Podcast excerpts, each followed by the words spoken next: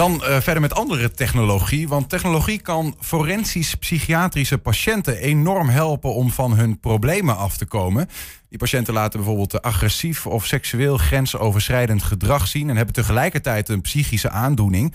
Hun behandeling zou erg geholpen zijn met technologieën als virtual reality en mobiele apps. Concludeert Hanneke Kip na haar promotieonderzoek aan de Universiteit Twente. Hanneke, goedemiddag. Goedemiddag.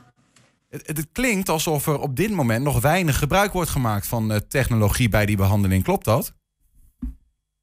Ja, ja, dat klopt. We hebben uh, in ons onderzoek ook gekeken naar van hoeveel wordt er nu gebruik gemaakt van technologie en welke zijn dat onder andere. En dan zien we toch dat het vooral veel taalgedreven technologieën zijn, maar dat ook die eigenlijk heel erg weinig gebruikt worden in de behandeling. Ja. Dus eigenlijk bijvoorbeeld maar uh, 5% van de patiënten een technologie aangeboden kregen en ermee starten.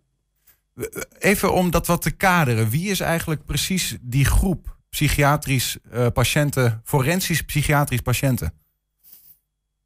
Ja, nou, het uh, gaat dus over mensen die uh, vaak een misdaad hebben gepleegd. Uh, en of die dus agressief of seksueel grensoverschrijdend gedrag vertonen. dus dan kun je denken aan TBS-patiënten. Dus die hebben vaak een vrij ernstig delict begaan. Uh, of mensen die in een andere, iets minder beveiligde kliniek zitten. Zoals bijvoorbeeld de FPA, die is toen veel in het nieuws geweest met Michael P. Maar eigenlijk het grootste deel van de forensische psychiatrische patiënten... die hebben relatief kleine, tussen aanhalingstekens, delicten gepleegd. Uh, die wonen ook vaak thuis en die krijgen dan behandeling bij een uh, polykliniek. Om ervoor te zorgen dat ze niet opnieuw de fout ingaan. Wat is precies, en het klinkt als een open deur, maar zo bedoel ik hem niet. Maar wat is precies hun probleem? Want dat ze een probleem hebben omdat ze de fout ingaan, dat is duidelijk. Maar waarom gaan ze de fout in? Ja. Dat is nou een hele goede vraag. En als we daar een uh, makkelijk antwoord op hadden, dan was de behandeling ook een stuk makkelijker. Eigenlijk verschilt dat heel erg per patiënt. Um, we kijken dan naar wat zijn de risicofactoren. Dus wat zijn nou oorzaken van uh, dat grensoverschrijdend gedrag. En dat verschilt heel erg per patiënt. Dus bij de ene zit er bijvoorbeeld in dat iemand een psychose had en waanideeën. Bij de ander zit het meer in het netwerk, dus foute vrienden hebben. Um, de ander heeft bijvoorbeeld veel problemen met alcoholgebruik. Dus het is ontzettend breed. En dat mhm. maakt het dus ook heel erg lastig om te kijken van hoe kunnen we deze groep nou helpen, omdat het zo heel divers is. Ja, precies.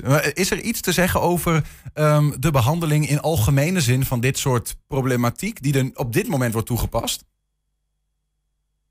Ja, op dit moment heb je dus uh, klinische patiënten en polyklinische patiënten. Dus klinische patiënten zitten dan bijvoorbeeld in een uh, TBS-instelling, dus daar krijgen ze ook begeleiding uh, en ook bijvoorbeeld behandeling door een psycholoog waarin er dus wordt gekeken naar welke risicofactoren zijn relevant en hoe kunnen we dat verbeteren.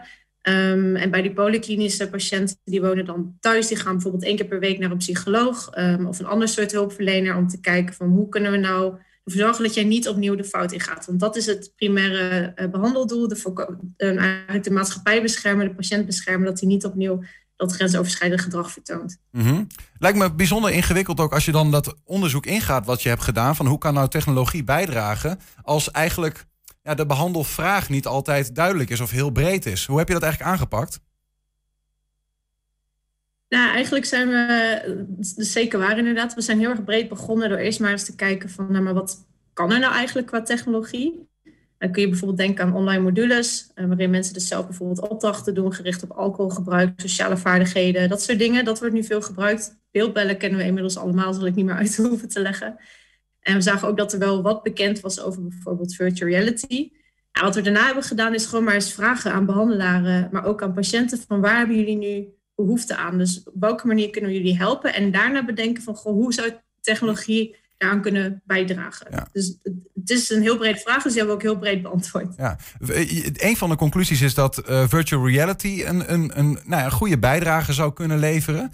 Uh, dat is natuurlijk heel beeldend. Daarom ben ik ook wel benieuwd naar, heb je daar eventueel wat beelden van die je kunt laten zien of voorbeelden van hoe dat dan in zijn werk gaat? Um, ja, ja, nou, virtual reality, wat, wat daar de kracht van is, is dat je dus een bril opzet en daar, dat, die bril had eigenlijk je hersenen voor de gek, waardoor je denkt dat je daadwerkelijk in een andere omgeving bent. Um, je hebt dan bijvoorbeeld filmpjes, dus dan kun je gewoon om je heen kijken, dan is het echt opgenomen, lijkt heel echt, maar je hebt ook bijvoorbeeld een meer um, interactieve virtual reality, waar je bijvoorbeeld rollenspellen kunt gaan doen. Mm -hmm. Daar heb ik ook een kort filmpje van meegenomen. En dat is van Clever, dat is een softwareontwikkelaar. Dus ik zal heel veel mijn scherm delen. We kunnen nu met jou meekijken hoe je ons uh, een voorbeeld van die virtual reality omgeving laat zien. Ja, ik hoop dat jullie mijn scherm nu kunnen zien. Volgens mij, ja, we zien een scherm en jij kunt ons er doorheen leiden, wat we nu zien. Ja. ja, hier zie je dus een aantal virtuele scenario's. Dus je kan bijvoorbeeld een patiënt door het park laten lopen. Je kan een vraag, wat valt je op? Nou, dit is een rollenspel.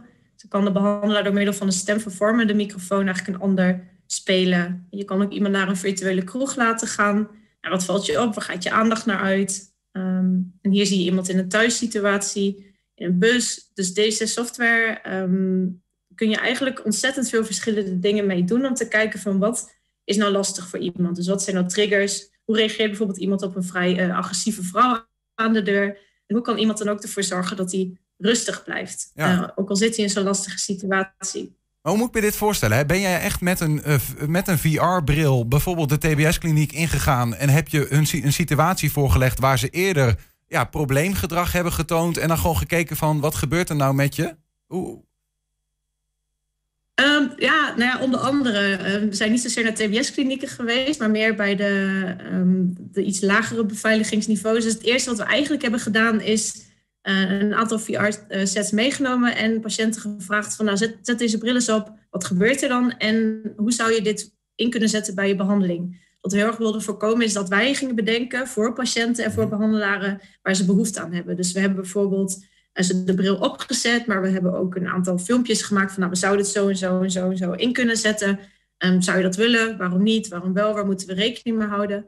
En dat om ervoor te zorgen dat we een VR-toepassing maakten die dus heel goed aansluit op die praktijk. Want dat gaat vaak wel mis bij technologie. Iemand ergens hier in een kantoor bedenkt, dat en dan vervolgens blijkt het niet zo goed te passen. Maar heb je dan, wat in de praktijk gebeurt. Heb je dat dan eh, ook echt in de praktijk eh, toegepast? Of is, het, is de conclusie meer gebaseerd op van hè, de patiënten zeggen dit zou mij wel kunnen helpen? Of weet je ook zeker dat het ze helpt?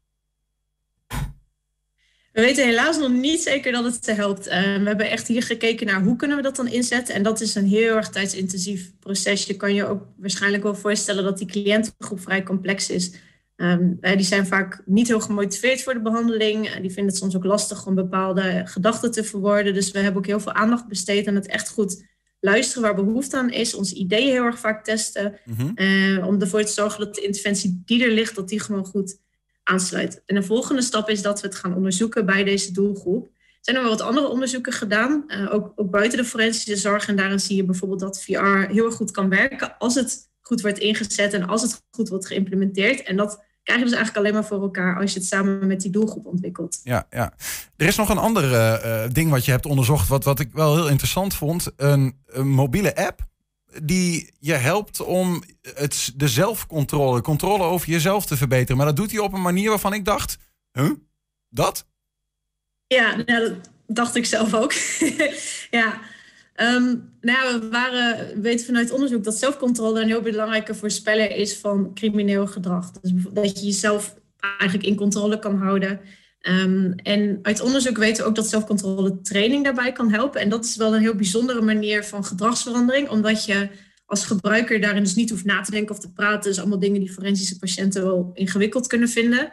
Maar eigenlijk moet je dus in plaats van je rechterhand, je non-dominante, dus bijvoorbeeld je linkerhand gebruiken om dagelijkse taken uit te voeren. Dus bijvoorbeeld de deur te openen of je mobiel op te pakken, dat soort dingen. En het idee daarachter is dat doordat je dus continu een bepaald impuls moet onderdrukken, dat je die zelfcontrole eigenlijk aan het trainen bent. Waardoor je zelfcontrole dus weer toeneemt, wat dus weer van invloed zou kunnen zijn op crimineel gedrag. Dus als ik zeg maar wat meer controle over mezelf wil, dan moet ik eigenlijk, want ik ben rechtshandig, dan moet ik wat vaker eh, dag, dagen nemen dat ik de deuren altijd met links open, zodat ik daar wat bewuster mee omga en niet reflexmatig bewijs van. Zeker, ja. Of uh, pak je mobielus op met links, dat soort dingen. Wat grappig. Maar is het sowieso, uh, want ik heb het dan over mezelf. Nou zullen mensen mij soms uh, bestempelen als ook half psychiatrisch patiënt. we hebben allemaal natuurlijk wel eens een probleem. Is het, helpt het ons allemaal, die toepassingen die je verzint? Um, nou, dus de zelfcontrole toepassing hebben we met studenten getest, omdat we eerst wilden, we hebben een app ervan gemaakt en dat is nieuw. En voordat we dat met patiënten willen testen, wat toch vaak wat lastiger is, meer tijd en geld kost, hebben we het eerst bij studenten getest. En daar zag je inderdaad dat studenten die die app kregen, dat die zelfcontrole wel verbeterde uh, gedurende drie weken. En dat was dus niet het geval bij studenten die die training kregen via de e-mail of die helemaal niks kregen. Dus bij studenten leek het iets te doen op zelfcontrole. Waar kan ik hem ehm, downloaden? Dus wellicht Hoe komen kom we erbij? ja, ik wil hem hebben, joh. Wat goed. Is die openbaar binnenkort, We gaan hem binnenkort testen met... Uh, nou, binnenkort. We gaan hem nu met uh, psychiatrische patiënten testen. Ook om te kijken van, nou, kunnen ze dan ook bijvoorbeeld hun doelen beter bereiken. En uh, als dat werkt, nou, bent van harte welkom. nou, nou Niels, dan hoor je het dus. Ja, fantastisch. Hanneke, vrijdag ga je verdedigen, hè? Je onderzoek. Nou, wat, zeker. Wat ons betreft ben je geslaagd, hoor. Nou, dat is toch fijn om te horen. Ja, maar veel succes en vooral veel plezier dan vrijdag. Ja, dankjewel.